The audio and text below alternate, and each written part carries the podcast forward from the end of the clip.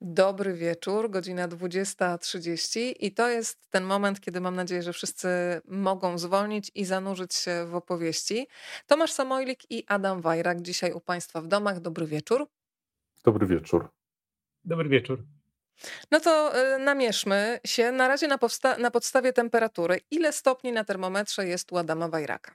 Mm, w tej chwili już ja muszę udostępnić naszą rozmowę. Tak, to są, są pewne priorytety tak, oczywiście. Bo, e, już udostępniłem publicznie.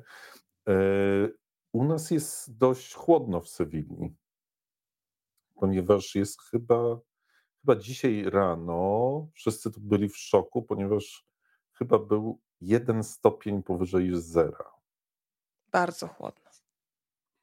To teraz Tomasz Samojlik odbije piłeczkę. Ja tylko jako taki przerywnik powiem, że u mnie minus 11, a u Tomka Samojlika ile pokazuje termometr? Tak, tak. U nas, u nas ociepliło mocno, minus 16 w tej chwili. Czyli Wspaniale. ocieplenie. Słuchajcie, rozmawiałam wczoraj z koleżanką, która przyleciała z Australii. Powiedziała mi, że tęskniła za zimnem. Może nie za aż takim, ale są tacy, którzy za śniegiem i za zimnem potrafią tęsknić. Ja tęsknię. A kiedy ja wracasz? 16 i mam nadzieję, że, że, będzie, że będzie zima. Ja chcę tylko powiedzieć, że jak wiecie, podróżuję w różne polarne regiony. Byłem na Grenlandii, e, gdzie było. Termometr się nam skończył na minus 45 stopniach. I chcę Wam powiedzieć, że nigdzie mnie tak nie wytelepało jak w Andaluzji, e, gdzie jest e, po prostu chłodno, strasznie e, i nawet jak jest te plus 2 czy 3 stopnie, to jest straszna wilgotność, nieogrzewane domy. Znaczy teraz już mamy ogrzewane. W ogóle teraz też mamy kołderkę. To jest bardzo ważne. A wcześniej nie było kołderki? Wcześniej nie było kołderki, bo oni mają tutaj jakiś taki chory system, który polegał na kładzeniu warstw prześcieradeł i kocyków, co powodowało, że człowiek który się rusza, się strasznie plątał i budził się oczywiście zaplątany i nie, nieogarnięty. No więc e, Nuria e, przywiozła tutaj kulturową kołderkę i jest, jest już dobrze, już jest nam bardzo dobrze. Już możemy normalnie jak ludzie przytulać w tym łóżku. Bez e, obaw, że się w co, coś zaplączemy albo, albo po prostu się wychłodzimy raptem nad ranem. Więc jakby to, tak, można powiedzieć, że z Polski dotarły y, do Francji widelce, a do Hiszpanii kołderki. Detektyw Wróbel i struty dziób, słuchajcie, nas dzisiaj zgromadził, więc skoro jesteśmy w takim klimacie zimna, to który z ptaków, panowie, mm, jest najbardziej odporny na niskie temperatury? Ja nie wiem, to znaczy, tu mamy bardzo sporo ptaków odpornych i nieodpornych. To znaczy, wróbel akurat jest e, takim przykładem, gdzie on jest tak, na takiej granicy zawsze, zawsze odporności na, e, na, na zimno, bo on się po prostu boli przytyć. Boi się przytyć dlatego, że, że boi się krogulców. Krogulce są coraz częściej się pojawiają w naszych miastach w okolicach karmników. E, to są takie małe miniaturki jastrzębi, które też są swoją drogą na granicy e, wytrzymałości właśnie w zimą, tak? na takiej, takiej granicy wytrzymałości energetycznej. I to jest, to jest, to są, myślę, że to są tego typu ptaki, które, które są bardzo, bardzo jest im ciężko, kiedy jest zimno, aczkolwiek one też musimy wiedzieć o tym, że potrafią sobie radzić. To znaczy, razem na przykład, znaczy nie mówię o krogulcach, ale wróble albo mazurki potrafią razem nocować e, w budkach lęgowych. E, potrafią się też, jak znajdą jakieś źródło pokarmu, bardzo szybko nafutrować, chociaż tak jak mówię, boją się przytyć, żeby móc przed tymi krogulcami uciekać. Więc, to jest cała, cała masa róż, różnych zależności też. Ja Ale może one się powinny napiórkować, a nie nafutrować. Bo one mają przecież piórka, nie futro. No tak, tylko wiesz, jeżeli jest tak, że masz. Spójrzmy na, spójrzmy na to, czym jest zima w naszej strefie klimatycznej. To znaczy, po pierwsze, jest nam bardzo, jest chłodniej, tak? To jest pierwsza rzecz. Druga rzecz jest taka, że dzień jest krótki, czyli szansa na znalezienie pokarmu i szansa na dobre najedzenie się jest też mniejsza. Czy można się napiórkować? No oczywiście, że to upierzenie jest, e, upierzenie jest na pewno, na pewno gęstsze trochę, albo jak widzimy ptaki, prawda? Jak widzimy ptaki są napuszone zimą, prawda? To, to jest nic innego jak wpuszczenie i zatrzymanie powietrza pod piórami, bo powietrze też jest naj, najlepszą, najlepszą izolacją. No to wiemy, to, ja wiem to z wypraw arktycznych różnych. Więc... Sprawdziłam sobie, panowie, naszą historię ostatniej rozmowy na temat wróbla i to było dokładnie 11 miesięcy temu. Wtedy też y, okazało się, że Adam Wajrak gotował zupę dyniową z imbirem, dokładnie rok temu, i też barszcz na zakwasie w Andaluzji, więc pewne historie być może się powtarzają, A przynajmniej Andaluzja. Nie, teraz nie, obżeram się pomarańczami. E, a z kolei Tomasz Samojlik przyznał się do tego, że jest mistrzem w smażeniu naleśników, więc zanim przejdziemy do książek, to chciałam się dowiedzieć, czy w ciągu 11 miesięcy Tomek poszerzył jakoś mm, swój repertuar kulinarny. E, tak, myślę, że tak. Nastąpiło znaczące odejście od, e, od mięsa i, i mm, pochodnych zwierzęcych w jadłospisie, więc trochę więcej inwencji e, i najdziwniejszych wynalazków. Także imbir mi nie straszny absolutnie teraz w kuchni, e, tak jak garam masala i oczywiście tofu na porządku dziennym. E, pojawiło się też dużo,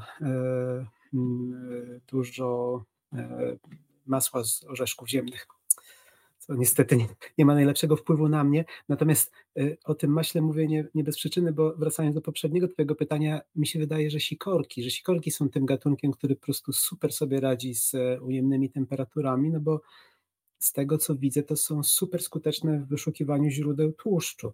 E, czyli, czyli e, no, ubytki energetyczne mogą błyskawicznie sobie kompensować. I to nie tylko myślę o, o bardzo uprzejmych ludziach, którzy im ten tłuszcz dostarczają. W naturze też sikorki są w tym dobre. Ale jak powiemy po prostu, co one robią i na przykład to, że potrafią tak. wyciągać e, zimujące nietoperze i wyjadać ich mózgi, Mózg. jest taki słynny film e, o Czeczotce, którą sikorka upolowała i ją prawie żywcem, żywcem zjadła, no to tak, oczywiście, sikorki sikorki, zresztą to, to, to jest w naszym, w naszym komiksie o Padlinie, na przykład super wyszukują ofiary wilków, ofiary rysiów i sobie je objadają. Tak, są w tym bardzo, bardzo dobre, a jak ktoś mi powie, że y, to, że one tam zjadają te mózgi, czy tam jakieś inne rzeczy, że to psuje im opinię, to ja mówię ludziom zawsze pójdźcie sobie do najbliższego sklepu mięsnego i popatrzcie, co tam leży na ladzie. I co mówi to o was, prawda? No Panowie, tak, pozwólcie, ponieważ nie dokonałam takiej kulturalnej prezentacji, e, więc e, być może będzie ktoś dzisiaj, kto dopiero rozpocznie znajomość z wami, chociaż e, z tego co widzę po komentarzach już sami znajomi tutaj i fani po drugiej stronie. Ale jednak kultura wymaga, żeby powiedzieć, że Tomasz Samojlik za dnia posłużę się tym, co napisano w książce, naukowiec i popularyzator nauki w Instytucie Biologii Ssaków PAN w Białowieży. Nocami i czy to się nie zmieniło, zajmuje się pisaniem i rysowaniem m.in. kultowego żubra Pompika, komiksów serii Umarły Las i Detektyw Wróbel, czy czterotomowej sagi fantazy o rojówce przeznaczenia. Warto też przypomnieć, że nakładem wydawnictwa Agora dla dzieci ukazały się trzy książki z serii Zwierzaki. Tutaj wymieniam takie tytuły jak Ambara, Starmosia, Bercia i Orson, a także cykl dla najmłodszych czytelników Mała Tarmosia, więc tylko szybka aktualizacja, czy faktycznie ten podział na dom dzienny i dom nocny, co się w tym domu dzieje, cały czas jest taki sam u ciebie, Tomek? Co to się przesuwa i e, teraz e, stałem się raczej zwierzęciem godzin wczesnoporannych. Trzecia trzydzieści to jest taka optymalna pora pobudki, e, bo wtedy nie tylko mogę jakby w spokoju sobie rysować i, trzecia trzydzieści. Tak, trzecia trzydzieści to jest mm, po prostu. Ty mógłbyś pracować na porankach radiowych. Tak, Byłbyś tak, przed czasem w ogóle.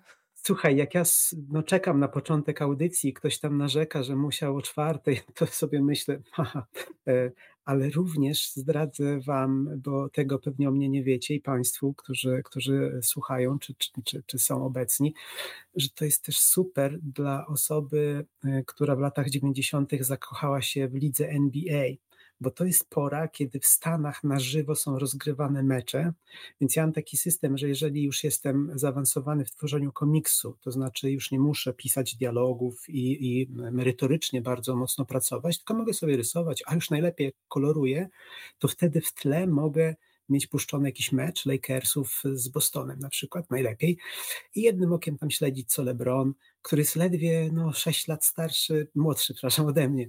E, e, I, i tak by się z nim utożsamiam, że no, taki wiekowy jeszcze może, więc sobie śledzę jednym e, okiem, co on robi, drugim okiem zezuję na, na moją planszę i jakoś tak sobie my z Lebronem radzimy. Słuchajcie, pojawiły się komunikaty, żeby zakrywać mózgi. A, y, to jest zresztą nasza Wicka, która napisała, kiedy się dowiedziała, że dziś będziecie, odwołała randkę, żeby tutaj razem z nami być, więc siła waszego przyciągania, panowie, jest naprawdę olbrzymia. To, to przedstawię jeszcze... jakąś odpowiedzialność. Nie, no teraz ale musicie sobie z tym tak poradzić. Nie tak nie róbmy. Nie, nie randki są potem... bardzo ważne. Randki są bardzo ważne. O randkach Adam, też porozmawiamy. Adam coś o tym wie, tak. I przytulanie, prawda Adam? Tak, przytulanie jest bardzo, bardzo ważne. Proszę Państwa, proszę się przytulać do przyjaciół, bliskich osób i robić to często. To bardzo poprawia um, krążenie, trawienie i ogólne samopoczucie. Doktor tak, Adam Bajrak przemówił do Państwa.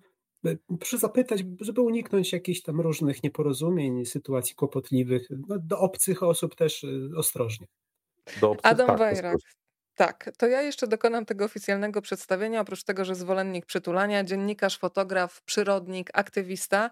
Rozmawialiśmy już z Adamem na temat wielu książek, między innymi mm, o zwierzakach Wajraka, o wilkach, o książce Na północ, rzecz jasna, o Wielkiej Księdze Prawdziwych Tropicieli. Pamiętam spotkanie w kinie Elektronik i dziewczynkę z zasuszoną jaszczurką, która przy okazji tego spotkania zadała ci pytanie. Razem z Nurią Selvą Fernandez, czyli pewnie z osobą, e, która bardzo bardzo lubię przytulanie, dokładnie. Tak. Napisaliście kunę za kaloryferem.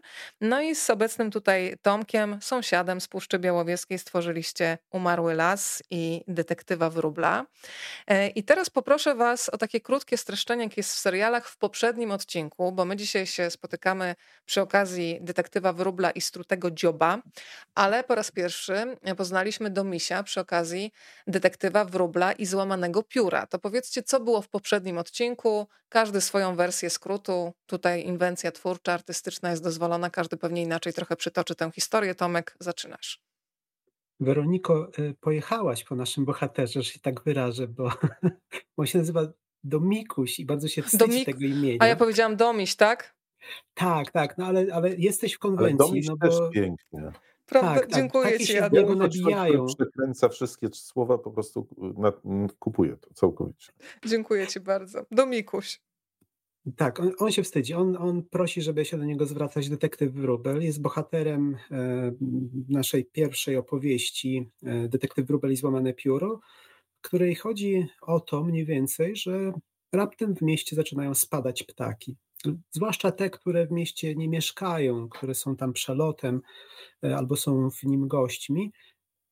Najwyraźniej ktoś atakuje te ptaki, spadają na ziemię z połamanymi piórami, z przetrąconymi dziobami. I ptasia policja, a w tę rolę wcielają się w naszym uniwersum e, gołębie, nie jest w stanie pomóc. Zresztą bardziej się interesuje poszukiwaniem w okolicach e, śmietnika, poszukiwaniem śladów e, i dowodów zbrodni w postaci skórek od chleba. I wtedy na scenę wkracza nasz Domikuś, który prosi, by nazywać go detektywem wróblem, który w swojej głowie jest najwybitniejszym detektywem świata zwierzęcego. I on deklaruje, że tę sprawę rozwiąże. Zajmuje mu to całe 100 E, przepraszam, 126 e, stron, e, bo ten komiks jest dosyć grubaśny i mogę zdradzać zakończenie, prawda? Już tyle minęło od premiery. Zabija... Chyba nie, chyba nie, A, no proszę cię. No, przepraszam. Musiałam go przystopować jednak. Wiesz, ja myślę, że czasami jest tak, że ktoś zobaczy detektywa wróbla i struty dziób, wciągnie się w tę historię i z radością odkryje, że coś się działo przed tą opowieścią, więc wszystkiego nie zdradzajmy. Adam, czy chciałbyś coś jeszcze dodać? No, ja chciałbym tylko dodać, że to są komiksy miejskie, tak, że my z Tomkiem nie boimy się trudnych tematów i były martwe drzewa w lesie, jak ktoś jeszcze, nie wiem, na przykład z państwa polityków zajmujących się lasami nie rozumie, jak ważne są martwe drzewa w lasach, to bardzo polecamy komiksy y, Umarły i Nieumarły Las, które, które możecie Państwo politycy czytać sobie razem z dziećmi. E, i wtedy i wy i dzieci zrozumiecie, jakie to ważne. Później mieliśmy zew padliny, czyli o padlinie, czyli o tym, co, co Nuria uwielbia, jak ważna jest w lesie. I pomyśleliśmy sobie zaraz, zaraz, no kurczę, jest też przyroda w miastach. Dzika, wspaniała przyroda. Ptaki są najbardziej, najbardziej widoczne i to mogą być naprawdę cuda różne, tak? Więc pomyśleliśmy z Tomkiem, że zachęcimy i dorosłych, i dzieci do obserwacji przyrody w mieście, a przy okazji opowiemy o dwóch ważnych problemach, czyli o przezroczystych powierzchniach, z którymi ptaki sobie słabo radzą, no i o żarciu, które my produkujemy jako ludzie i z którym sobie różnie radzą. O tak sobie wymyśliliśmy. Więc Bardzo zawsze, dobrze sobie. zawsze, zawsze kontrowersyjne tematy. Wspomniałeś o Nuri i o Padlinie. W poprzedniej rozmowie ustaliliśmy, że wśród Twoich różnych obowiązków mężowskich jest również zbieranie kup. Więc zapytam Was teraz, bo będziemy sobie tu przeplatać osobiste historie z książkowymi. Takiej odpowiedzi się nie spodziewałam, ale tam były różne drapieżne, znaczy kupy drapieżników, o których wspominałeś, ale tak serio jeszcze oprócz tego, że mm, te kupy zbieranina, to jednak y, jakie są wasze ulubione obowiązki mężowskie? Nie zadawałam jeszcze nikomu y, takie, takiego pytania, albo przyjemności związane z tym, że jest się mhm. mężem i można za coś odpowiadać. I ja powiem tylko tyle, że ja strasznie nie lubię słowa mąż, więc my się, my do siebie mówimy, ja mówię, na przykład jak przedstawiam Nurię, albo nie mówię słowa żona, więc jakby jak przedstawiam Nurię, to mówię dzień dobry, to jest Nuria moja była narzeczona i, i wtedy wszyscy wpadają w taką konsternację i tak trochę nie wiedzą, oni są razem, nie są, nie wiadomo, nie potrafią tego na początku logicznie rozłożyć, więc mi to, nas to bardzo, bardzo wabi bawi i wabi. E, ale chyba, wiesz co, chyba najfajniejsze jest to, że takim, właściwie to trudno nazwać obowiązkiem, to znaczy to jest to, że my sobie potrafimy rozmawiać o tym, co tworzymy. To znaczy zarówno rozmawiamy o tym, co, co ja tworzę jako dziennikarz, rozmawiamy bardzo, bardzo dużo o tym, bo Nuria ma wiedzę jako naukowiec, no i czasami rozmawiamy o tym, co Nuria tworzy jako naukowiec i o jej badaniach, chociaż ja muszę się przyznać, że ona już jest na takim poziomie, że ja coraz, coraz gorzej to rozumiem i to mnie niepokoi. Będzie jeszcze ciąg dalszy, czy to jest kropka? Znaczy nie, że to jest kropka. to jest tak przerażające. To jest niepokój. przerażające. Znaczy wiesz, na przykład no, ostatnio Ostatnio Nuria się zajęła sztuczną inteligencją w rozpoznawaniu przyrody, w monitorowaniu przyrody i ja zbaraniałem, jak zacząłem mi o tym opowiadać, albo jak mi opowiada o izotopach, o tym, że y, po włosach, bo są różne, jakby matołem z chemii, po prostu po włosach, piórach i tak dalej można zobaczyć, co, co, coś, co myśmy jedli, co zwierzęta jadły. Także na przykład, jeżeli Tomek mówi, że nie je mięsa, możemy dziabnąć jakiś jego włosek. Nie, I... przykro mi, ten pociąg już odjechał. To nie masz włoski gdzie indziej, nie martw się. To nie musi być z głowy. A? I co? No, rzeczywiście, masz mnie. Dokładnie.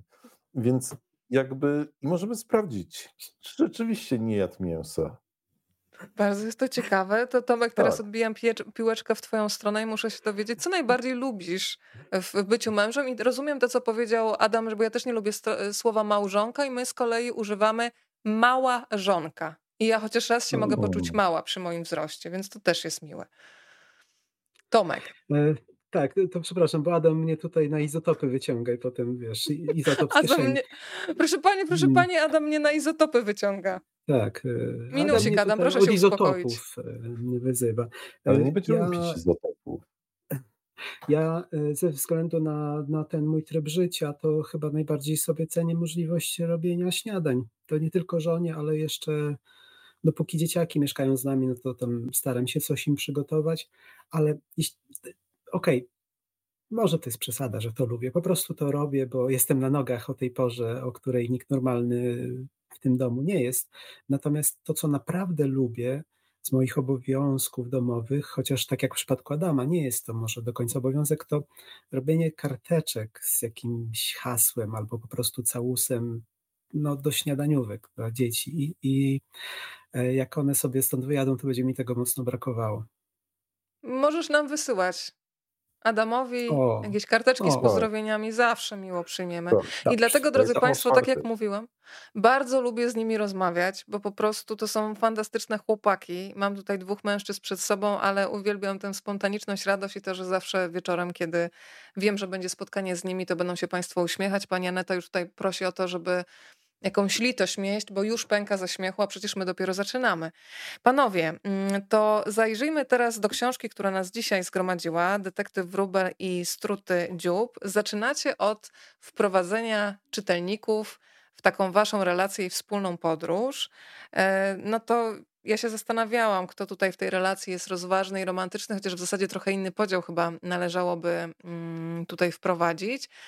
No ale powiedzmy, jak to jest z wami z kanapkami, z jedzeniem. Zresztą początek waszej znajomości, ale może inaczej, nie znajomości, ale takiego bliskości w tej znajomości też wiązał się z podróżą wspólną, więc jak to wasze wspólne podróżowanie wygląda? Mogą być historie z przeszłości, te najbardziej aktualne kanapkowe. To on jest rozważny, a ja jestem romantyczny w tym związku. Mówię ci. On jest rozważny? Ale tak. Ja mam nie, no, jak pomysły od czapy i ty, Adam, musisz mnie trzymać za, za skarpety, ściągać jakby z tej No drabiny. tak, ale później kogo trzeba gonić, żeby napisał? Ja w ogóle a, to wtedy ledwo, ty stajesz się romantyczny. Ledwo wysiądę z tego pociągu, a on już ma gotowe pół komiksu. Ja muszę tak. zasuwać, po prostu pisać jakieś tak. cegły, pół e, tego wydawnictwa. I te cudowne nasze panie redaktorki mnie ścigają, po prostu prześladują. Mówią, pisz tu, bo już Tomek właściwie wszystko napisał i tylko po prostu ty zawalasz i ktoś tam rwie sobie włosy z głowy. Ja mówię, spokojnie, spokojnie wszystko będzie na czas. Szukam po tym komputerze, gdzie ja mam zdjęcia wróbli, czy ja zabrałem ze sobą, czy nie zabrałem. No to gonię tutaj, nie wiem, ostatnio tak było, gonię w Sewilli, po prostu myślę sobie, wróbel hiszpański będzie taki sam jak wróbel polski, nie ma znaczenia. Pstrykam, wiesz, to po prostu człowiek po prostu w ciągłych nerwach. Adam, życie jest za krótkie, a, a za dużo ciekawych książek jest do zrobienia. To ja wychodzę z ja takiego uważam, założenia. że życie jest za krótkie, ale trzeba mieć przygodę, nie pisać książki. Ale, ale ja dzięki temu Państwo mają przygody z Wami. No tak, ale ja jestem egoistą, więc ja uważam, że po prostu trzeba mieć własne przygody i tyle. No. Ale jednak daje się namawiać. Wam, znaczy nie, Prawda jest taka, że my byśmy bardzo chcieli, przynajmniej ja, zachęcić y, wszystkich dużych i małych i dorosłych i no, do przygód, po prostu do tego, że, żeby podglądali tą przyrodę, bo to jest fantastyczna, fantastyczna przygoda i nie wiem, w Warszawie się, Warszawa jest wspaniałym miastem do, do oglądania ptaków, do oglądania różnych zwierzaków. To, to nie jest tak, że wszyscy musimy Chociaż zapraszamy bardzo. Oczywiście, przyjeżdżajcie Państwo do Puszczy Białowieskiej, szczególnie teraz, jak jest taka fajna zima, ale jak chcecie mieć przyrodnicze przygody, to możecie po prostu pójść gdzieś za róg tutaj, gdzieś do jakichś, nie wiem, nie wiem, no ostatnio łaziłem na patelnię, bo tam była pokrzewka aksamitna, teraz chodzę tutaj do parku, pełno tych pokrzewek aksamitnych, e, ale też na przykład dzisiaj udało mi się, słuchajcie, wiecie co mi się udało tutaj w Parku Miejskim spotkać? Nie. Dwa ślepowrony. A jak wygląda ślepowron? Ślepowron to jest taka bardzo niewielka czapla z takim śmiesznym tutaj takim piórkiem, takim z tyłu i taki dorosły jest taki ładnie, strasznie upierzony, trochę tutaj beżowy, takie ma grafitowe skrzydła, no po prostu prześliczny jest. Młody jest taki nakrapiany, no i był młody i dorosły. I super to jest. I to pokazuje, że, że w ogóle wszędzie trzeba się rozglądać. Jakiś taki dziwaczny park w Sewilli, proszę, są ślepowrony. Ale na przykład mój, pewien mój znajomy mi opowiadał, że na patelni w Warszawie w tych krzakach widział bączka. Powiedz, co to jest patelnia w Warszawie dla tych, którzy są patelnia spoza Warszawy. w Warszawie to jest e, ten obszar w okolicach, w okolicach metro, metra centrum, między metrem centrum Pałacem Kultury. Tam jest tylko beton, beton, beton i tam są przeciekawe, wspaniałe ptaki. Albo jakbyście się wybrali teraz w te mrozy nad Wisłę. Słuchajcie, co tam się musi dziać? wiatracze, bielaczki, bieliki, może gdzieś na jakąś krew wydra wyjdzie, może jakiś bóbr, zimorodki na pewno latają. Tam, tam naprawdę musi, muszą się dziać fantastyczne rzeczy. A Adam, od razu ci przekażę, bo zapomnę. A Andrzej Jakimowski, reżyser, był u mnie w radiu niedawno i jest fanem twoich filmów. E, zaczęliśmy rozmowę w kuchni przy kawie od filmów Wajraka i tych wilków, które się e, o. pojawiają. To od razu ci przekazuję i powiedział, ja od razu że... chcę powiedzieć, że za no. chwilę no. na naszym kanale na YouTubie będą już dłuższe filmy i będzie bardzo piękny film o żubrach i o zawilcach. Bardzo Państwu polecam. Polecamy jak najbardziej. A później o chomikach. O chomikach, ale takich, yy, bo też się są różne chomiki. Nie, o naszych chomikach, o polskich chomikach, o cudownych, wspaniałych. Kurczę, o właśnie, o ty, Tomek, o no. chomikach zróbmy komiks. O! Tak to się Ale dzieje, to jesteście Państwo świadkami. Powiedziałem w złą godzinę i teraz po tak, prostu... teraz potrzebujemy tylko jakiejś wyprawy z Adamem. No przynajmniej godzina razem w środku e, komunikacji miejskiej naj, najchętniej, czy masowej. E, może tym razem bez kota w klatce, ale godzina spokoju, żeby nikt nie dzwonił, nie pisał maili, żeby w ogóle nie było zasięgu, tylko Adam, ja i mój notes. I po takiej to podróży jest, jest chomika, bo Nie, ja od razu powiem o co chodzi, bo chomiki są najbardziej ginącymi ssakami w Europie. I ja sobie.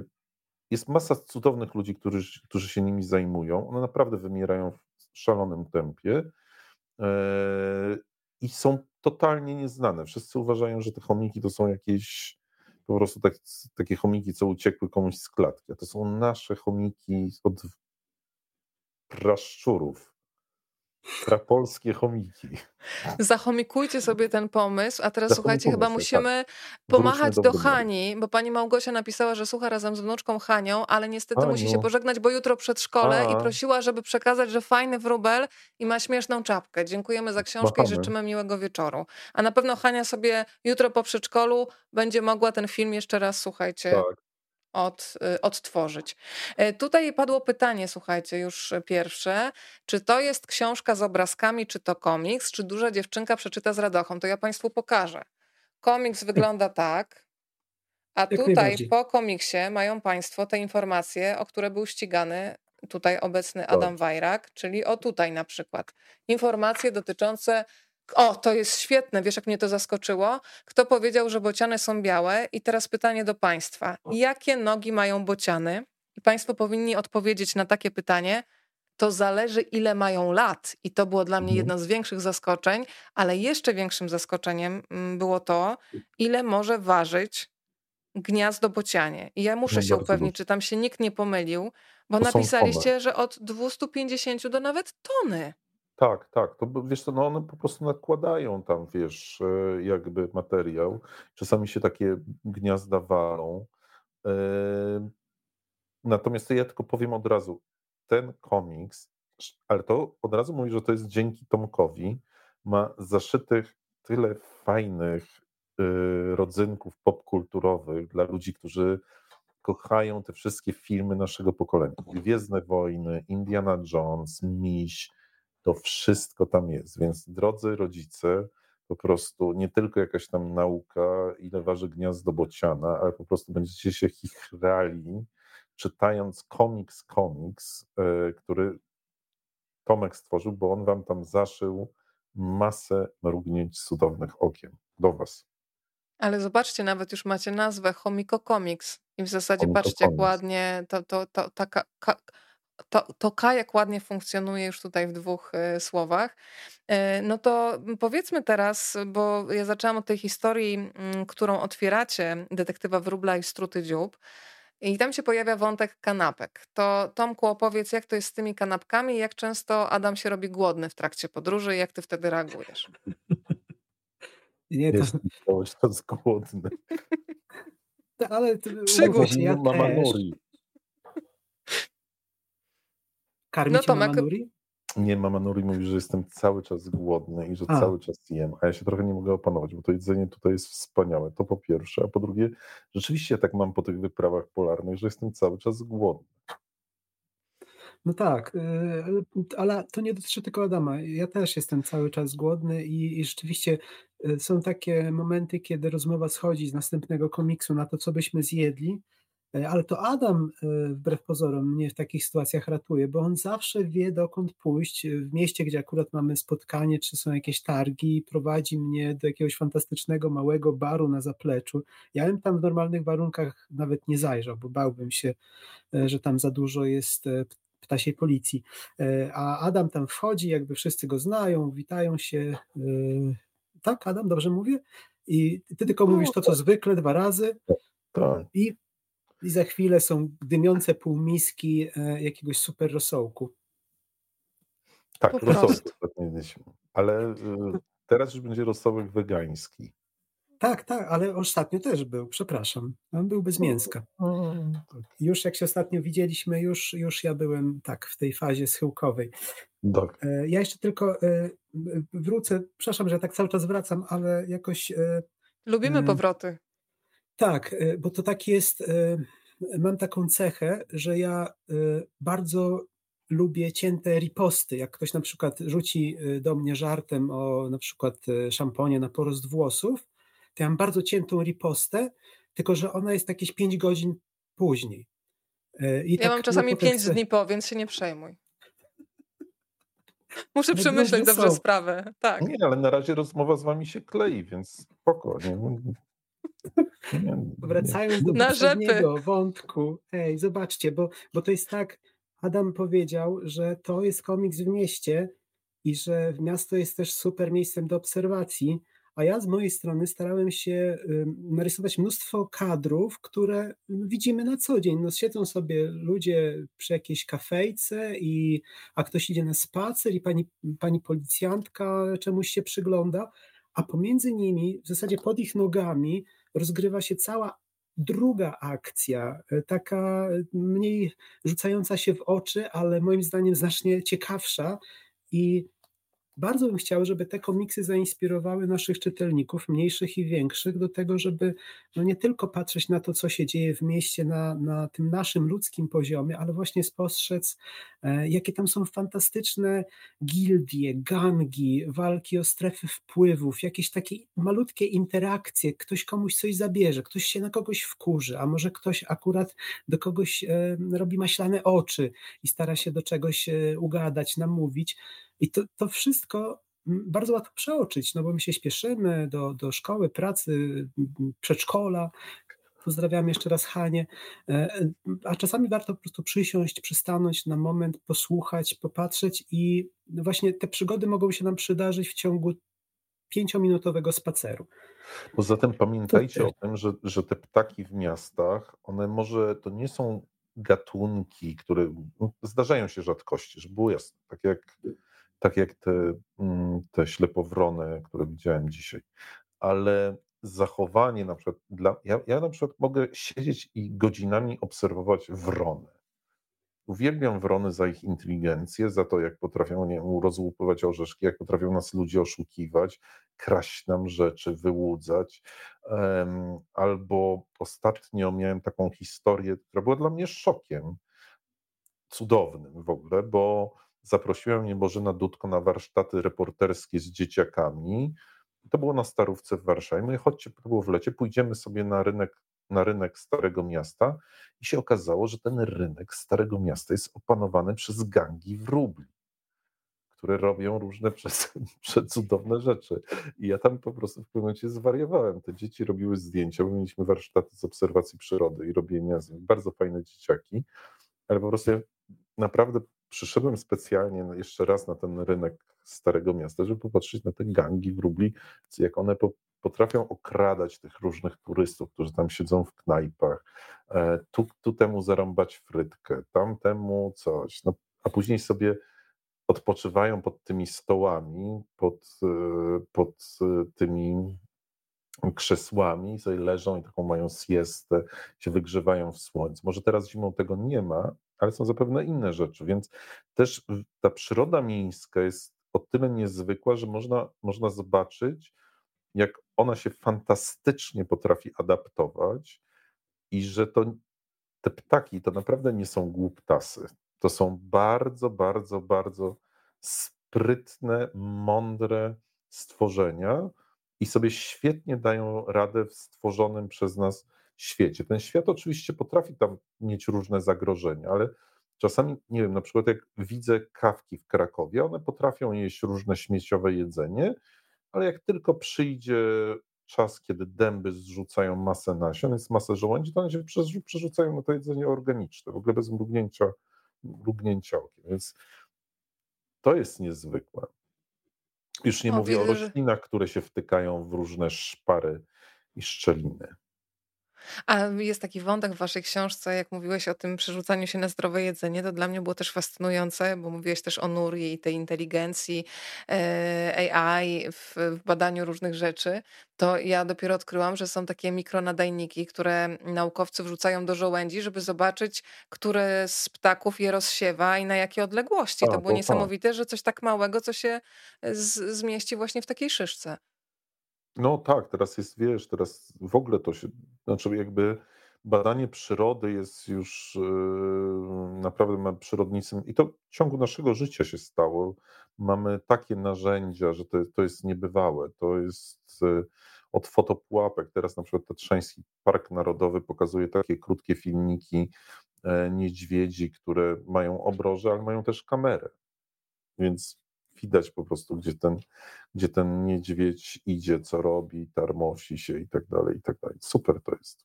Można oglądać to godzinami. jest super motyw. Przepraszam, że wam wejdę w słowo, bo to ostatnio proszę, jest dyskutowane proszę. u nas w instytucie.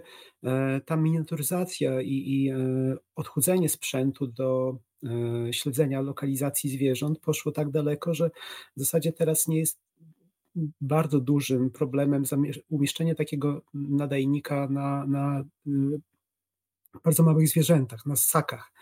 E, natomiast e, rozmawia się o, e, o tym, jak umieścić to na, na owadach czy na pajęczakach. Przepraszam, muszę tak. Ale ciekawe. Mieliśmy dyskusję o śledzeniu kleszczy, słuchajcie. Właśnie już umieszcz na jak takich dużych owadach. Na dużych owadach, ale na kleszczy jeszcze, na kleszcze jeszcze nie ma. Na razie kleszcze się znakuje po prostu i potem odławia sprawdzając, czy, czy posiadają taki znacznik. To projekt, który aktualnie u nas w Instytucie jest rozwijany.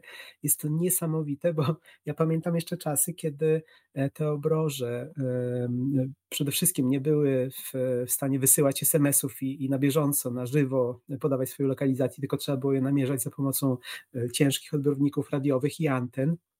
E, ale przede wszystkim one nadawały się tylko i wyłącznie do, do zwierząt, które były w stanie to unieść, po prostu ogromnych e, no ale, rozmiarów ale, to. Wiesz, ale wtedy też można było mm, troszkę zastosować inwencji, jak się nie miało pieniędzy, bo Nuria ze swoim zespołem zrobiła coś takiego, co myśmy się tak dla, dowcipnie nazywali telemetria dla ubogich.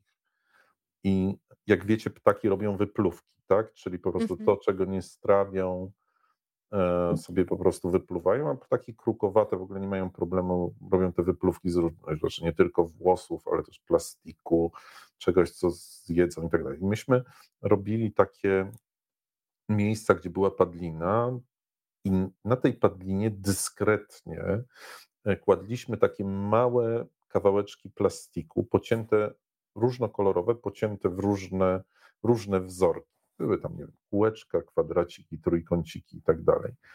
I później szukaliśmy wypluwek z, z tym plastikiem gdzieś pod gniazdem. I dzięki temu tak się udawało określić terytoria. Za 5 zł po prostu, bez żadnych nadajników. E, więc Polak potrafi. Hiszpanka z Polakiem. Hiszpanka z Polakiem, tylko takie połączenie. Hiszpanka z Polakiem i Niemcem. Tak to było. Więc to się daje. Natomiast teraz to jest niesamowite.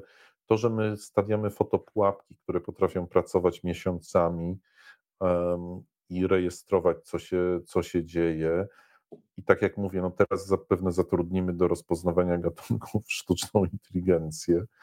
To, to jest niesamowite. I jedno, co chciałbym powiedzieć, to jest to, że, że ta technologia, ona oczywiście może się wydawać komuś, że ona po prostu, że, że tak raptem wszystko zaczniemy obserwować i pozbę, pozbędziemy się tego takiego traperskiego, chłopackiego romantyzmu, ale też dzięki temu myślę, że będziemy w stanie bardzo wielu gatunkom pomóc. Yy, I ta wiedza jest naprawdę, naprawdę ważna. To ja tylko zdradzę początek książki, do którego tutaj kolejny raz nawiązuję. Myślę, że to jest akurat na początku, więc nie będzie tutaj żadnych alertów, że za dużo zdradzam. Mm, okazuje się, że Adam bardzo lubi takie kanapeczki, gdzie jest dużo majonezu, Tak, gdzie jest tak, ketchup, gdzie jest tak, musztarda, tak, sosy różne z tak, 50 wysp tak. może. Wszystko, co jest totalnie niezdrowe. I, I na pewno, a czy jesteś też takim człowiekiem, że jak ubierzesz na przykład y, prosto z prania bluzę, bo ja mam, jestem człowiekiem, który ubiera bluzę i natychmiast. 5 sekund później mam taką plamę. Natychmiast, to wszystko, ale, ale wiesz, jeszcze to jest tak, że kupuję te kanapeczki w takim baro sklepie na dworcu centralnym i zawsze się staram, żeby nic się nie stało. Biorę tych serwetek tam pięć, no nie, nie dziesięć, bo wiem, że plan tak nie, tylko pięć i tak się staram, żeby tam tą torebkę trzymam papierową i, i się nie da, no. To powiedzmy teraz, to że twoim dobrym kolegą jest Tomek i że on się dzieli tym. Tomek, co jest w twoich kanapkach i czy faktycznie, tak jak napisał Adam, reagujesz, że nie będziesz jadł jakichś obcych kanapek, bo nie wiadomo, co tam, co tam kto wsadził, i ty po prostu robisz w domu, jesteś przygotowany tak. i wiesz, że jest świeże i dobre. Co tam wsadzasz do y, środka? Tak, z tym świeże i dobre to pewnie można by polemizować, ale ja y, no, nie zjem czegoś y, nierobionego moją ręką. To znaczy bez e, zdrowego, bezglutenowego pieczywka, bez żadnego tam jakiegoś masła, no bez przesady. E, co, co najwyżej pozwalam sobie na, na jakieś smarowidło z ciecierzycy. Do tego rzecz jasna żadnego mięsa czy wkładu mięsnego, tylko sałatka, pomidorek, ogóreczek, papryczka, no, plasterek sera. To, to jeszcze jakaś fanaberia. No i rzeczywiście to nie wszystkim się podoba. Ale to co, on bierze od ciebie kanapkę jeszcze narzeka, że niedobre? Nie, nie narzekam, ja wszystko wsunę. No dobra, ale tak, tak, naprawdę ten wasz wstęp ludzki. One, one są dobrze zbilansowane, te Tomka, ale nie mają majonezu. Co tak. rozumiesz? No. Ani masełka. Mm, ale mam nadzieję, że. są potrzebne. No, ale mam nadzieję jednak, Adaj, że przeczytałeś z uwagą detektywa Wróbla e, i dowiesz się, że ten majonezik, który ci tak smakuje, dla twojego brzuszka jednak dobry pewnie nie jest, bo chodzi mi o to, że wasz komiks fantastycznie pokazuje też nasze współistnienie i to, że takie zwierzę nauczone przez tego człowieka, który je właśnie śmieciowe jedzenie, no też się na to śmieciowe jedzenie rzuca, a konsekwencje są straszne. To powiedzcie trochę, e, Tomek, zapytam ciebie też, czego się dowiedziałeś o samych ptakach podczas realizacji tego komiksu, bo tam jest sporo takich ciekawostek, najnowszych badań i z Polski i ze świata, pokazujących jak jedzenie wpływa na to, ile na przykład liczy sobie teraz populacja wróbli czy innych ptaków. Wiesz co, ja oczywiście byłem świadom tego, jak, jak szkodliwe potrafi to ludzkie jedzenie być, nie tylko dla ptaków zresztą, ale dla no w zasadzie całego świata zwierzęcego, tak mogę zaryzykować takie stwierdzenie. Ale to, co mnie zdziwiło, to to, że jest już zidentyfikowana i nazwana wręcz jednostka chorobowa, tak zwane anielskie bądź aniele skrzydło, zwłaszcza u kaczek, ale też występujące u łabędzi, czyli taka deformacja e, zwykle jednego, czasami obu skrzydeł, która musi być bardzo bolesna dla tych ptaków, bo powoduje sztywnienie lotek w takiej nienaturalnej, wygiętej pozie, co wygląda tak, jakby te ptaki roz, rozcapierzyły, że się tak wyrażę, swoje, swoje lotki, swoje skrzydła, zgięte nienaturalnie. E, absolutnie uniemożliwia im to lot, utrudnia poruszanie się. E, te ptaki przeżywają, ale no, mają e, naprawdę podgórkę. Zresztą z tym przeżywaniem to też pewnie do czasu, bo, bo są na pewno dużo łatwiejszym łupem dla, dla jakiegoś drapieżnika. Więc to mnie zdziwiło, że no, jesteśmy już tak zaawansowani, że wręcz jest pe, pewien typ schorzenia posiadający własną nazwę, opisy, o którym wiemy, że jest spowodowany przez, przez tę dietę, zwłaszcza dokarmianie tych ptaków e, chlebkiem. Mhm. Tylko, że to też to jest, znaczy problem z tą naszą żywnością produkowaną przez nas, to może nie jest na tyle, wiesz, nie tyle chodzi o jakość, znaczy jakość też jest ważna przy, przy karmieniu siebie i karmieniu ptaków, ale bardzo to, na co chciałem zwrócić uwagę, to jest to, że my jej produkujemy po prostu olbrzymiej ilości, produkujemy jej za dużo. Jednym z takich największych problemów środowiskowych świata a przynajmniej tej części bogatego świata, w którym, w której żyjemy, jest to, że my po prostu masę tej żywności wyrzucamy, masę jej marnujemy. To są, to są gigantyczne wprost ilości, my tam je podajemy w komiksie i musimy pamiętać o tym, że ta nadprodukcja żywności, że to też wpływa na przyrodę, że to nie jest tak, że oczywiście, że wszystkim ptakom spuchną wątroby, ale zmienia się, zmieniają się zachowania bardzo wielu, nie tylko ptaków, zmieniają się e, składy gatunkowe, bo na przykład możemy sobie łatwo wyobrazić, że dzięki takiemu masowemu, nie wiem, dokarmianiu albo wyrzucaniu odpadków, no mają lepiej te gatunki, które są w stanie coś takiego zjeść. One konkurują z kolei z innymi gatunkami, które mogą być, być rzadsze, więc e, sam sposób, nie wiem, karmienia ptaków może też powodować różne problemy mówi, teraz jest zima, mówimy dużo o dokarmianiu, to też może powodować różne problemy, na przykład takie, że powodujemy koncentrację ptaków, po czym mamy różne choroby, to znaczy różne choroby, które są groźne dla ptaków, bo ja też chcę uspokoić, że te choroby nie są groźne, ptasie choroby nie są groźne dla ludzi, przynajmniej te karmnikowe, tak? I, I to jest duży problem. Ja myślę, że kwestia żywności jest jednym takim, takim zwierciadłem, w którym my ludzie powinniśmy się przejrzeć od tego, jaką żywność produkujemy e, i jak dużo jej produkujemy. Tak, ja tylko przytoczę może tutaj dane statystyczne, fragmencik. Ptaki mają z czego korzystać, bo w samym europejskiej, jak piszesz Adam, marnujemy rocznie 88 milionów ton żywności. E, I żeby to sobie móc wyobrazić, to od razu bardzo konkretny przykład, czyli około 170 kg na osobę, wliczając w tych statystykach, w, te, w tych liczbach niemowlęta i to daje na pewno do myślenia. E, w tej opowieści, tak jak w poprzednim wróblu, mm, przedstawiacie na początku bohaterów tej historii e, i tu tam jest i dobrze już znana Purzysława, są kosy, jest mewa, e, jest jeżyk, bardzo lubię jeżyki w ogóle jako ptaki. No i są różne gangi. I bardzo lubię taki fragment, kiedy poznajemy bohaterów, którzy się wyrywają do dania w dziób komuś i się zastanawiam, gdybyście mieli tak sobie wstecz pomyśleć o swoim dzieciństwie, nie wiem, kiedy jesteście w podstawówce, to czy któryś z was się wyrywał do takiego dania w dziób, czy raczej byliście takimi ugodowymi zawodnikami i bohaterami w tym świecie szkoły? Tomek? Nie podejrzewam cię o wyrywanie się do dawania w dziób, ale może to są tylko pozory. Dobrze, że o to pytasz, że poruszasz tę sprawę, bo ostatnio y, doszły mnie słuchy, e, doszły mnie słowa krytyki e, w stosunku do naszych komiksów, że one są brutalne, że po prostu tam się daje w dziób, że bohaterowie jedni na drugich czyhają, mają jakieś niecne wobec nich plany. E, więc ja chciałbym się wytłumaczyć. Po pierwsze, ja absolutnie nie jestem taką osobą, która byłaby skora dodawania komuś w dziób, a wręcz przeciwnie, ja byłem po tej drugiej stronie przez większą część mojego młodzieńczego życia i ten dziób wiele zebrał. W związku z czym, pisząc takie historie, chcę e, trochę e, wzmocnić psychicznie osoby, które być może przeżywają to, co ja kiedyś, bo wszyscy, którzy w tych komiksach chcą dać w dziób, a już na pewno ci, którzy się do tego posuwają, dostają nauczkę. Te komiksy pokazują, że, że również w tasim życiu istnieje coś takiego jak karma i no, takie, takie rzeczy nie pozostają bez odpowiedniej nagrody ze strony losu.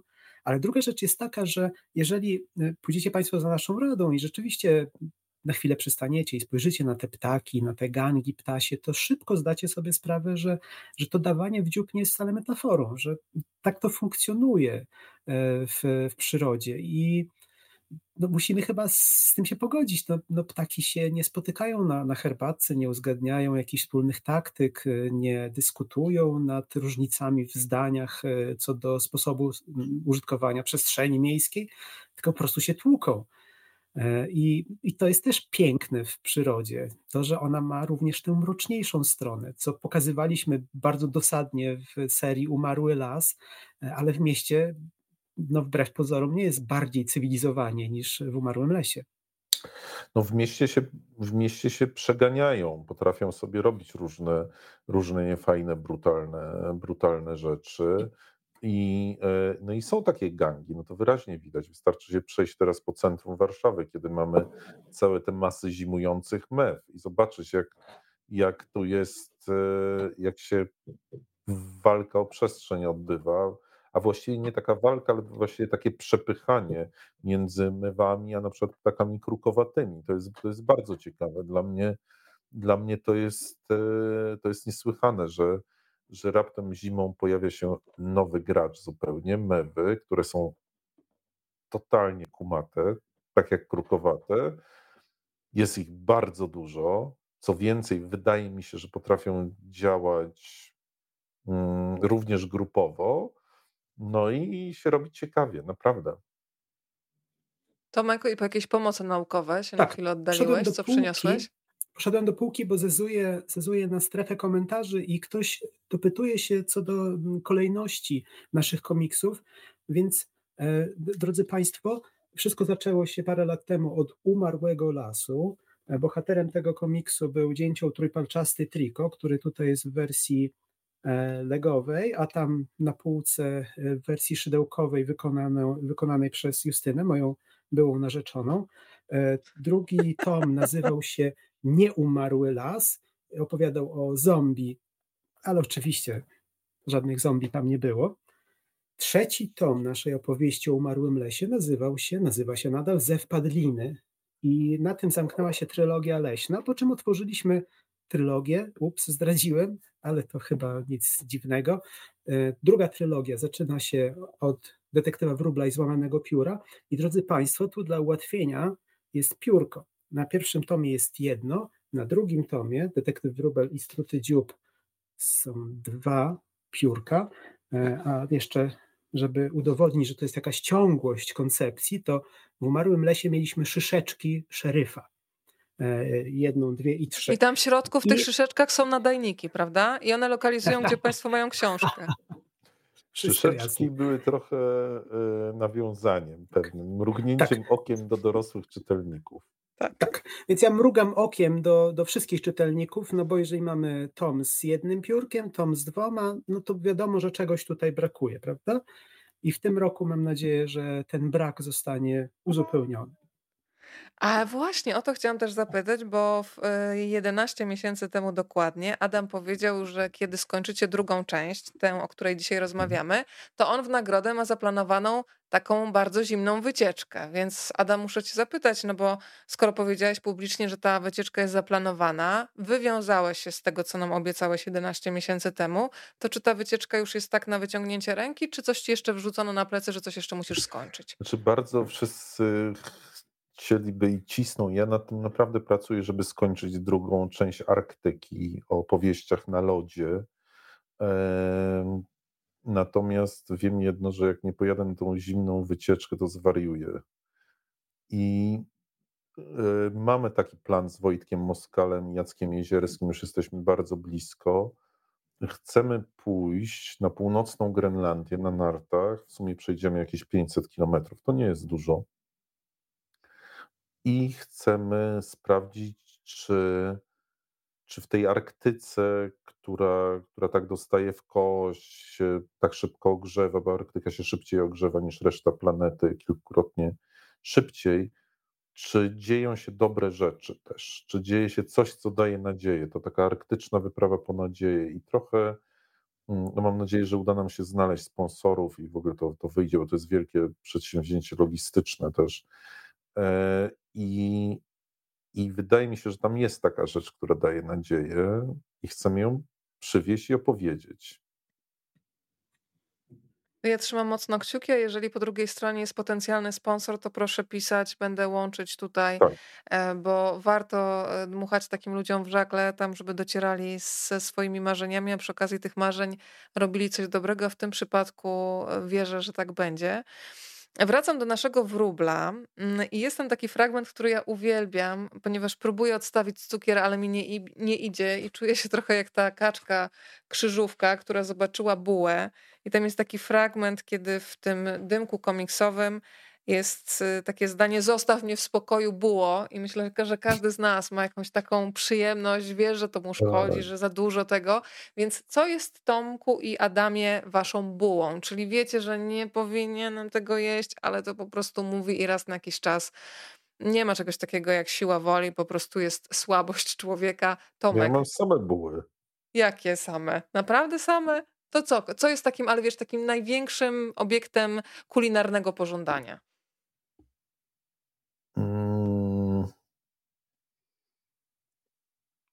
Taka jajeczniczka cudowna to... na boczu. Dlaczego nie powinieneś? Ale ostatnio sobie zacząłem zastępować jajeczniczkę na boczusiu. No tak, trzeba od tego mięcha odchodzić. Y, ostatnio sobie znalazłem w puszczy dzikie boczniaki. O, jakie to jest dobre. Zimowe. I one są tak pyszne, przebijają wszystko. Więc teraz to będzie moje. Tak, jak wrócę teraz do puszczy, no nie, teraz jest za zimno trochę, ale to by była moja kulinarna obsesja. A, no i jeszcze wsuwam straszny kimchi. O, to jest cudowne, ale to jest zdrowe, to wiesz, to zdrowe, służy. ale nie powiem, jakie są skutki tego, bo to się nie nadaje do publicznego opowiadania. Mhm, to są skutki oczyszczające, mówiąc delikatnie. Bardzo, bardzo, bardzo ładnie to określiłam, prawda? Subtelnie. Tak, cudownie, tak, to są skutki oczyszczające. To jest deto detoksykacja. E, Tomek, a to, co jest mm. twoją bułą, która cię wzywa i wiesz, że nie możesz, a jednak? No to ja mam banalną bułę i to jest trochę jak przyznanie się do, do, do tego, co jest twoim kryptonitem, bo to są, e, nie powiem nazwy, wafelki w czekoladzie pewnej firmy w złotym opakowaniu i to jest po prostu kryptonit na mnie. To już wiemy, co ci wysyłać. Nie powinienem. Nie, nie, nie proszę nie. Nie? Proszę, proszę nie. Zostaw Słuchajcie. mnie w spokoju, wafelku. To jeszcze jest takie zdanie, które, e, do którego też się odniosę. Mamy takich bohaterów, kiedy, no nie, nie chcę za dużo zdradzać, żeby Państwu nie odbierać przyjemności odkrywania tej historii. Detektyw Wrubel ma bardzo poważną misję. Krótko mówiąc, chce ochronić swoich współplemieńców, myślę tutaj o całym gatunku, jakim jest ptac, o całej rodzinie, jaką jest ptactwo. No i stara się przekonać tych, którzy jedzą śmieciowe jedzenie, że to nie jest dobra droga i w pewnym momencie pada takie zdanie, przydałby się ktoś myślący racjonalnie, ktoś, kto mógłby powiedzieć, co zrobić. I zastanawiam się już nie tylko w kontekście komiksu, ale kiedy macie jakiś taką, taki dylemat życiowy, całkiem poważny, taką rozkminę, nad którą się siedzi nie bardzo wiadomo, co zrobić, to do kogo się zwracacie w takim pierwszym instynkcie, do kogoś z, taką, z takim przeświadczeniem, że nawet jeżeli nie pomoże, to przynajmniej będzie można się wygadać, ale też bardzo często ma dla was taką mądrą radę. Zastanawiam się, czy macie takich ludzi wokół siebie. Do kogo uderzacie? No wiesz, ja, ja do Nuri, ale też bardzo często rozmawiam e, z moimi przyjaciółmi z puszczy różnymi, e, z obozu dla puszczy i bardzo lubię rozmawiać z moim przyjacielem Maciejem Zarębą Pielawskim, który jest dla mnie takim reporterskim w ogóle mistrzem i, e, i zawsze te rozmowy są takie są, są napędzające dobrą energią. Chociaż on twierdzi, że to ja go napędzam dobrą energią, ale on mnie też napędza dobrą energią. Więc jak czasami czegoś nie rozumiem z tych, tych różnych dziennikarskich e, zawiłości, to dzwonię do niego, ale najpierw zawsze rozmawiam z Nurią. Nuria, ma, Nuria poza tym, że, że jest szalenie mądra, to ma coś takiego, co ja nazywam instynktem i się na ogół nie myli. Albo w ogóle się nie pomyli. Pozdrów i ucałuj najmocniej od nas wszystkich. A Tomek? Ona się śmiała, że zaraz tu wejdzie i powie, y, kociu, chcesz tosta? to, Nuria, zrób to, jeżeli nas oglądasz, to wejdź z tym tostem, proszę zaraz, cię. Czekaj. To Adam idzie po Nurię, bardzo się cieszę. Uwielbiam patrzeć Kociu. na nich osobno, a oboje to Kociu. już jest w ogóle... Kociu, Kociu, to wejdź z tym tostem. Nie, teraz mi daj, because they want to see this. Dobra. Umówiony. Czy będzie dostawa świeża?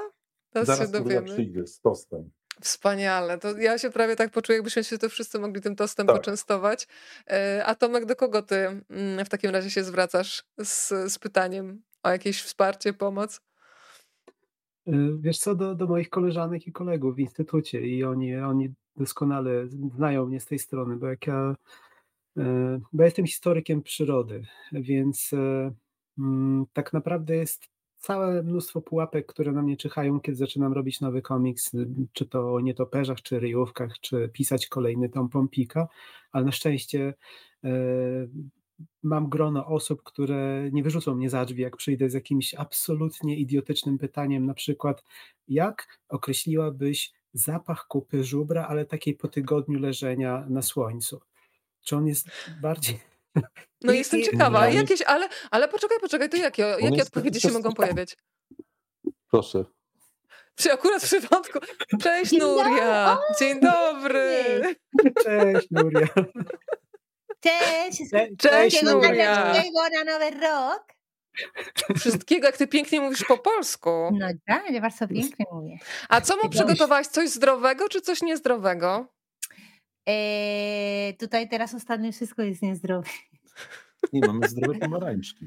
No pomarańcze tak, ale jeszcze nie próbowaliśmy tej nowej. A, a czy no. ta kołderka z Polski się sprawdza w Hiszpanii zimnej? Tak. Ty nie? Tak. Adam nie, aha. E, Adam jest trochę niezadowolony, wiesz, bo on nienawidzi ten system hiszpański kołder. No, protestuje cały czas. No. A powiedz, y, za co najbardziej dałby się mm, pociąć Adam, w sensie, że tak najbardziej mu smakuje, bo tutaj nam powiedział teraz, że jajecznicka i tak dalej, ale ma jakieś takie swoje słabości, że po prostu jak widzi, to musi zjeść i nie ma po prostu opcji, że on tego nie zje? Wszystko zje. Wszystko zje. Mogę powiedzieć. Czekaj. Dobrze, ja, ja ci mogę powiedzieć, ja ci mogę powiedzieć, czego, czego, czego na, nie zjadam, co jest moją traumą i tutaj mama Nuri próbuje mnie prze, przekonać, ale to jest moja trauma z dzieciństwa i to jest absolutnie nie do przeskoczenia. To jest ryż z mlekiem. Ale to pyszne jest. Nie, kurczę, ja to miałem w perelowskim przedszkolu. Nie. Ja też nie. i dlatego lubię. A, ryż z mlekiem, rokon lecze. No. Nie, no quiero, nada, rokon lecze. No, no. Zobacz, y, tutaj same serdeczności, pozdrowienia dla mądrej pani naukowiec, dla naukowczyni już bym teraz powiedziała. Serdeczności tak. dla tej pani, najlepszości na nowy rok. Wspaniała kobieta, proszę. Widzisz, wpada proszę. na 5 sekund i po prostu tak. możemy sobie tutaj teraz Dokładnie. gadać, a tak. i tak wszyscy zapamiętają Nurię, słuchajcie. Dobra, bo ja pamiętam z poprzedniego yy, wydania, yy, że bardzo państwo lubią też opowieści dźwiękonaśladowcze w zasadzie. E, kiedy to Adam wciela się w różne role, pojawia się w tej historii Tomku Sójka między innymi. To właśnie ta Sójka naśladuje różne odgłosy. Ona też sadzi drzewa i tam ci naukowcy wsadzali te mikronadajniki do żołędzi. Zresztą badacze z Hiszpanii, to tutaj też warte podkreślenia, e, no to mm, najpierw zapytam Tomka, który z bohaterów jest tobie najbliższy z tej opowieści e, i charakterologicznie i jeżeli chodzi o łatwość oddania w uproszczonej formie cech charakterystycznych ptaka, a potem poproszę e, Adama tradycyjnie o odgłosy wydawane na przykład przez Sójkę, zaraz mu też wymyślę jakiegoś innego bohatera, ale najpierw Tomek... Ostatnio mnie uczała tereniska. Sójka miałczy? Tak, mia, miałczą, tak. naprawdę miałczała mi jak kot, po prostu w teremiskach. No, okay, jak, okay. tak dziwacznie trochę. Bo moje to tak terkoczą, tak nieprzyjemnie. Mogą terkotać, yy, mogą jak, terkotać, mogą łańcuch... tak krzyczeć, tak człowiek, no, człowiek, no. ale mogą, ale też cudownie miałczą, albo cudownie kwilą, jakie różne myszołowy i jastrzębie i można je łatwo pomylić. E, Weroniko, ty pytasz mnie o strony rysunkowej, tak? Który ptak tak, mi najbardziej tak. leży. Z, e, e, to Dominikuś mi leży najbardziej, bo to jest po prostu taki typek, no ma, ma, takie wielkie, puste oczy, e, jest tak bezbrzeżnie szczery w tej swojej naiwnej wierze, że jest genialnym detektywem, że no mi się ciężko z nim nie utożsamiać. To trochę jak wiara w to, że jest genialnym naukowcem. To bardzo, bardzo jest to mi bliska postawa. I on też się super rysuje, bo on się składa po prostu z dwóch kółek i to jest ekstra. Ja lubię takich bohaterów. Bardzo też lubię Anananę, czyli, e, czyli naszą e, bidulkę, e, kaczkę krzyżówkę, ale ona niestety jest dosyć kłopotliwa przy rysowaniu, bo, bo ma mnóstwo takich, nawet tu w tej formie Lego widać, ma takie, mm, mm, takie różne kształty i w związku z tym, jak podpisujemy jakieś książki, to do Mikusia rysuję po prostu od ręki i trochę mogę nawet jednym okiem tylko patrzeć, a przy Anananie to ja muszę sobie naszkicować te kształty, zwłaszcza kuperek ma taki, to jest trochę więcej zachodu. Natomiast no, to, to też jest super bohaterka, bo z nią się utożsamiam przez to, że ona jest taka jakby mm, niechętna zmianą. I nawet jeżeli e, miałaby zmienić coś, co zasadniczo poprawi jakość jej życia, to ona raczej tak woli, a nie, w sumie to skrzydło, którym mi się nie rusza, no tak mi mocno nie przeszkadza, no już bez przesady, no musiałabym tyle rzeczy w życiu zmienić, żeby to skrzydło jakby zaczęło funkcjonować, że już chyba lepiej nie. Mhm. Ale słuchajcie, w sumie, czy Nuria ci dostarczyła tego tosta, czy nie? Nie, będę musiał przyjść. Nie będę A, bardzo dobrze, nie i chrupał. się No, ale, zaświnie. A no właśnie, 5 sekund później Nie, było, teraz, był ten tost na tobie. nie, teraz kupiliśmy sobie wielkie, myślę, że kolacyjka to będzie wi wiele pomarańczy, bo kupiliśmy sobie dwa wielkie wory cudownych pomarańczy, teraz bardzo tanich, ale bardzo pysznych. Teraz w Hiszpanii jest czas pomarańczy. Oczywiście są te pomarańcze na ulicach, które są bardzo gorzkie, ale z nich się robi różne produkty, między innymi słynne dżemiki, bo te, te gorzkie się nadają do, do dżemików. No ale mamy takie też wspaniałe.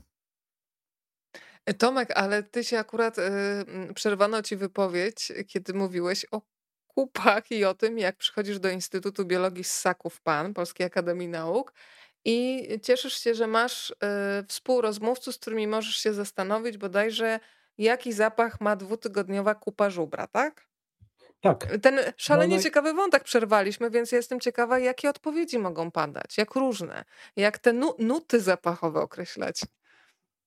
No, bo, bo tam y, skupa żubra to jest w ogóle super temat. Y, to trochę już inna seria, inne wydawnictwo, ale to, mm, to jest fascynujące, jak e, dużo na przykład gatunków roślin potrafi kiełkować z takiej żubrzej kupy, albo jak szybko pokrywają się warstwą e, grzybnią y, jakichś gatunków grzybów, które te, te żubry e, szczególnie dobrze rozsiewają po puszczy, czy w ogóle jak szybko kupa jest poprzecinana tunelami e, żuków leśnych, e, które tam sobie budują, e, budują schronienie, tam tę kupę spożywają, składają w niej jaja, w ogóle całe, tak, tak, oczywiście, całe uniwersum tam się rozgrywa i temu towarzyszy też takie stopniowe stopniowa ewolucja zapachu tej kupy. I ja chciałem jakoś to tak metaforycznie oddać w książce dla dzieci i potrzebowałem informacji z pierwszej ręki, bo, bo jak pachnie świeża, no to mniej więcej tak wiem. Wiem, jak ją dosadnie ale to opisać. Świeża ale też, też y, to nie, to nie każda świeża kupa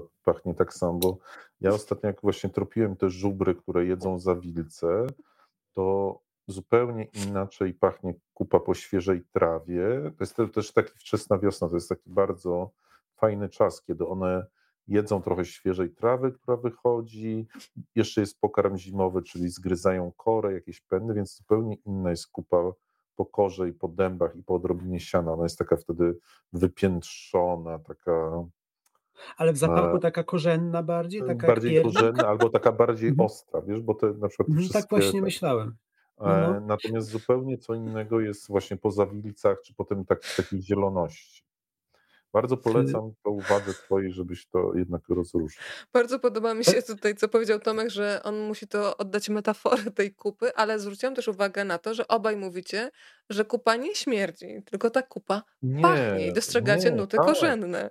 Tak, bo to, to kupy, kupy w ogóle zwierząt roślinożernych są bardzo przyjemne i wspaniałe. No tak, tak, tak.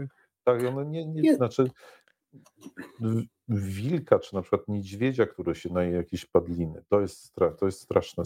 Niedźwiedź, który się naje padliny, to jest o Jezus Maria.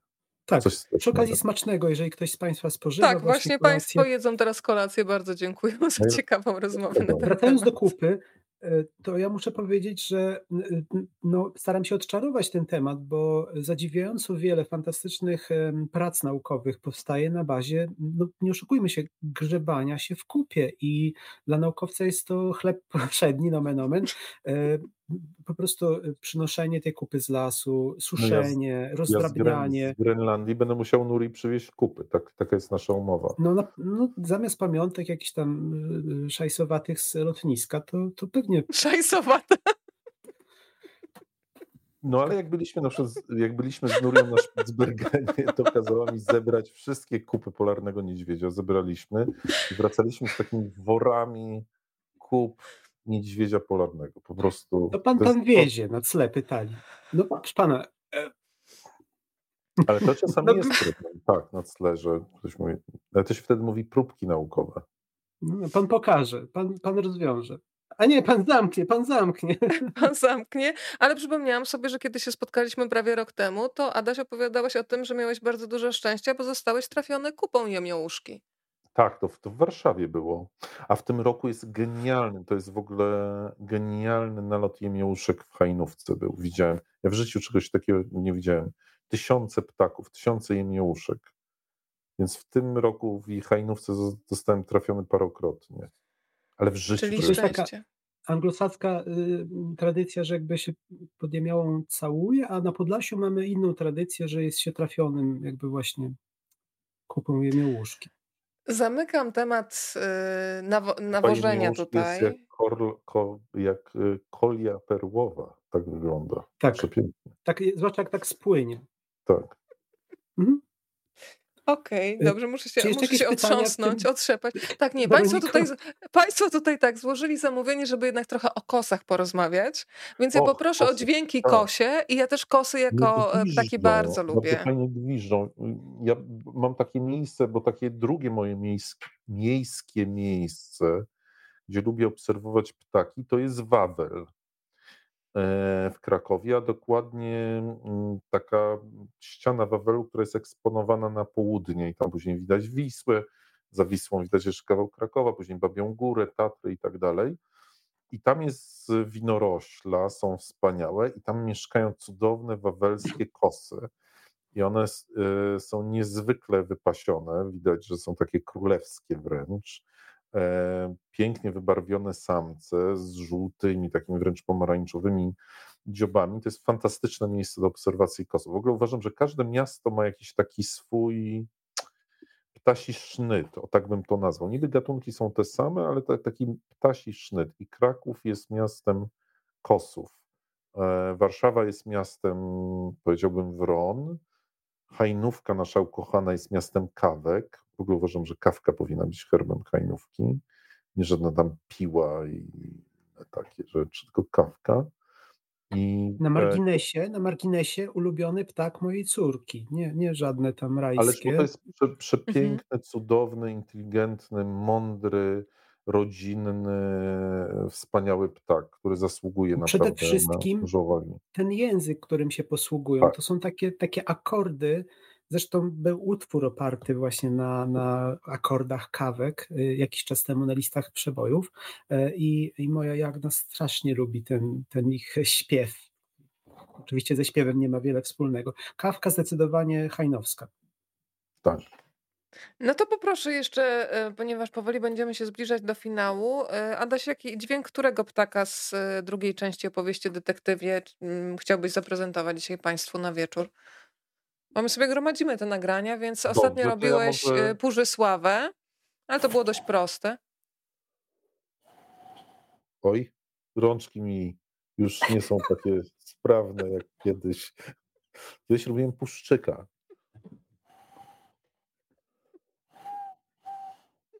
O, udało się trochę. Udało się, Puszczyk. Proszę.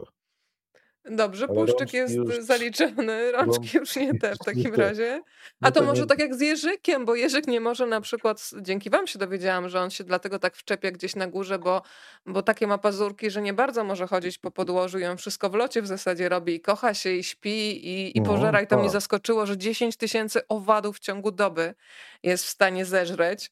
E, no, ale też mnie zainteresowały gniazda jeżyka zrobione ze śliny i jadane w Azji. To, to azjatyckich jeżyków, tak? Bo tam jest, tak, kilka, jest to... kilka gatunków ładnych jeżyków, więc jakby, jakby to jest, to, to nie nasz jeżyk. Natomiast nasz jeżyk, to co warto powiedzieć, to bo tutaj zawsze będziemy z Tomkiem, cokolwiek byśmy nie mówili o jakichkolwiek miejskich ptakach i niemiejskich, to zawsze będziemy kończyć to Puszczą Białowieską, do których wszystkich Państwa zapraszamy. Co prawda w tej chwili jeżyków w niej nie ma, ale to jest takie miejsce, gdzie mieszka jeszcze populacja jeżyków, które mieszkają w dziuplach, czyli takich, które mieszkają od czasów, e, kiedy jeszcze nie było miast i tych wszystkich szpar zrobionych przez człowieka, więc, e, więc po prostu tak, przyjeżdżajcie do Puszczy, teraz jeżyków nie ma, ale Są żubry, wilki, yy, dzięcioły trójpalczaste, dzięcioły białogrzbiete. Zima jest idealną porą do obserwowania tych wszystkich cudownych rzeczy w puszczy, zwierząt. A, a ten jeżyk jakie wydaje dźwięki? Możemy on coś tak, w przybliżeniu oddać? W ogóle y, on tak fajnie strasznie ćwiergoli. To jest taki miejski ćwiergol. Ja e, mam swoje takie wredne hobby i tropię głosy jeżyków źle podłożone w filmach. I, i to jest dopiero po prostu obciach, jak, jak ci ludzie potrafią to bez sensu podkładać. To Zły różne... dubbing jeżykowy. Zły dubbing jeżykowy. Tak, ostatnio złapałem na tym nowego znachora. Oj, oj, a faktycznie był cały wpis na Facebooku przecież tak, poświęcony. Tak. tak. Ale nie tylko znachor i nie tylko polskie produkcje. Monachium bardzo źle podłożone jeżyki. W złym, złym miejscu. Widzę, że tutaj też fani rudzików rudzik, są. To, rudzik to jest moc. Na Wawelu też jest cudowny rudzik. Nie jeden zapewne. No to słuchajcie, oddajemy w ręce Państwa tom drugi, czyli Detektywa Wróbla i Struty Dziób. Tomek, poproszę Cię jeszcze o wprowadzenie, e, czego będzie dotyczyć trzecia część wróblowej opowieści dla tych, którzy już e, nabyli tę opowieść, za chwilę skończą i będą już w takich blokach startowych z oczekiwaniem, co dalej.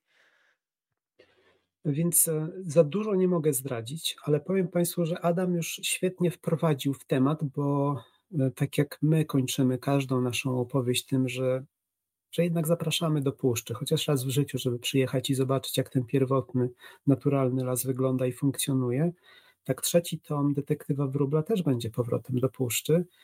I chociaż te uniwersa Detektywa Wróbla i Umarłego Lasu już się przenikały w poprzednich tomach, e, co wprawne oko naszych czytelników e, już dostrzegło, to w trzecim tomie detektywa Wróbla pójdziemy na całość i Domikuś zostanie zawezwany do umarłego lasu, żeby pomóc Triko, czyli dzięciołowi trójpalczastemu i szeryfowi umarłego lasu w rozwiązaniu, jak się wydaje, kryminalnej zagadki bardzo dziwnych i niepokojących wszystkich mieszkańców lasu Przybyszów.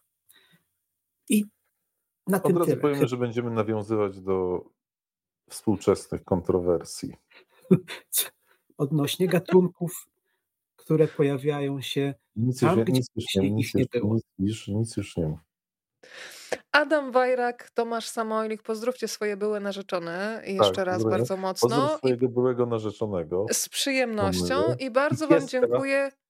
A piesek nawet tak gdzieś tam przez chwilę był widoczny, bo widziałam, że zaskakiwał o. Y, z kanapy, trochę posłuchała i pobiegła, więc w takim razie pozdrówcie były narzeczone i podziękujcie za to, że na chwilę was wypożyczyły tutaj dla państwa i dla mnie i mam nadzieję, że przy trzeciej części przygód w Rublasie rzecz jasna widzimy i trzymam kciuki za wszystkie podróże, tutaj tę zimną Adamową.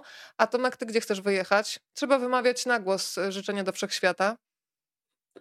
No ja tak kiedyś chciałbym zobaczyć Lebrona na żywo.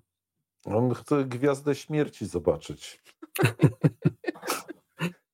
Słuchajcie, trzymam kciuki za wasze pomysły i za to, żeby cały czas dla nas, każdy dzień, jutro jest jakiś dzień, wtorek, tak? Wtorek. Żeby wtorek, wtorek też był przygodą, żeby nie czekać na fajerwerki, na weekendy, tak, tylko żeby tak, wtorek tak, był tak, przygodą. Absolutnie. Każdy dzień to dziękuję. Pa. Pa, dziękuję pa. bardzo i dziękuję Państwu za to, że z nami byliście. Dobrej pa. nocy albo takiej niegrzecznej nocy, nie wiem, takiej, która będzie dla Państwa satysfakcjonująca. O, do zobaczenia. Dziękuję bardzo.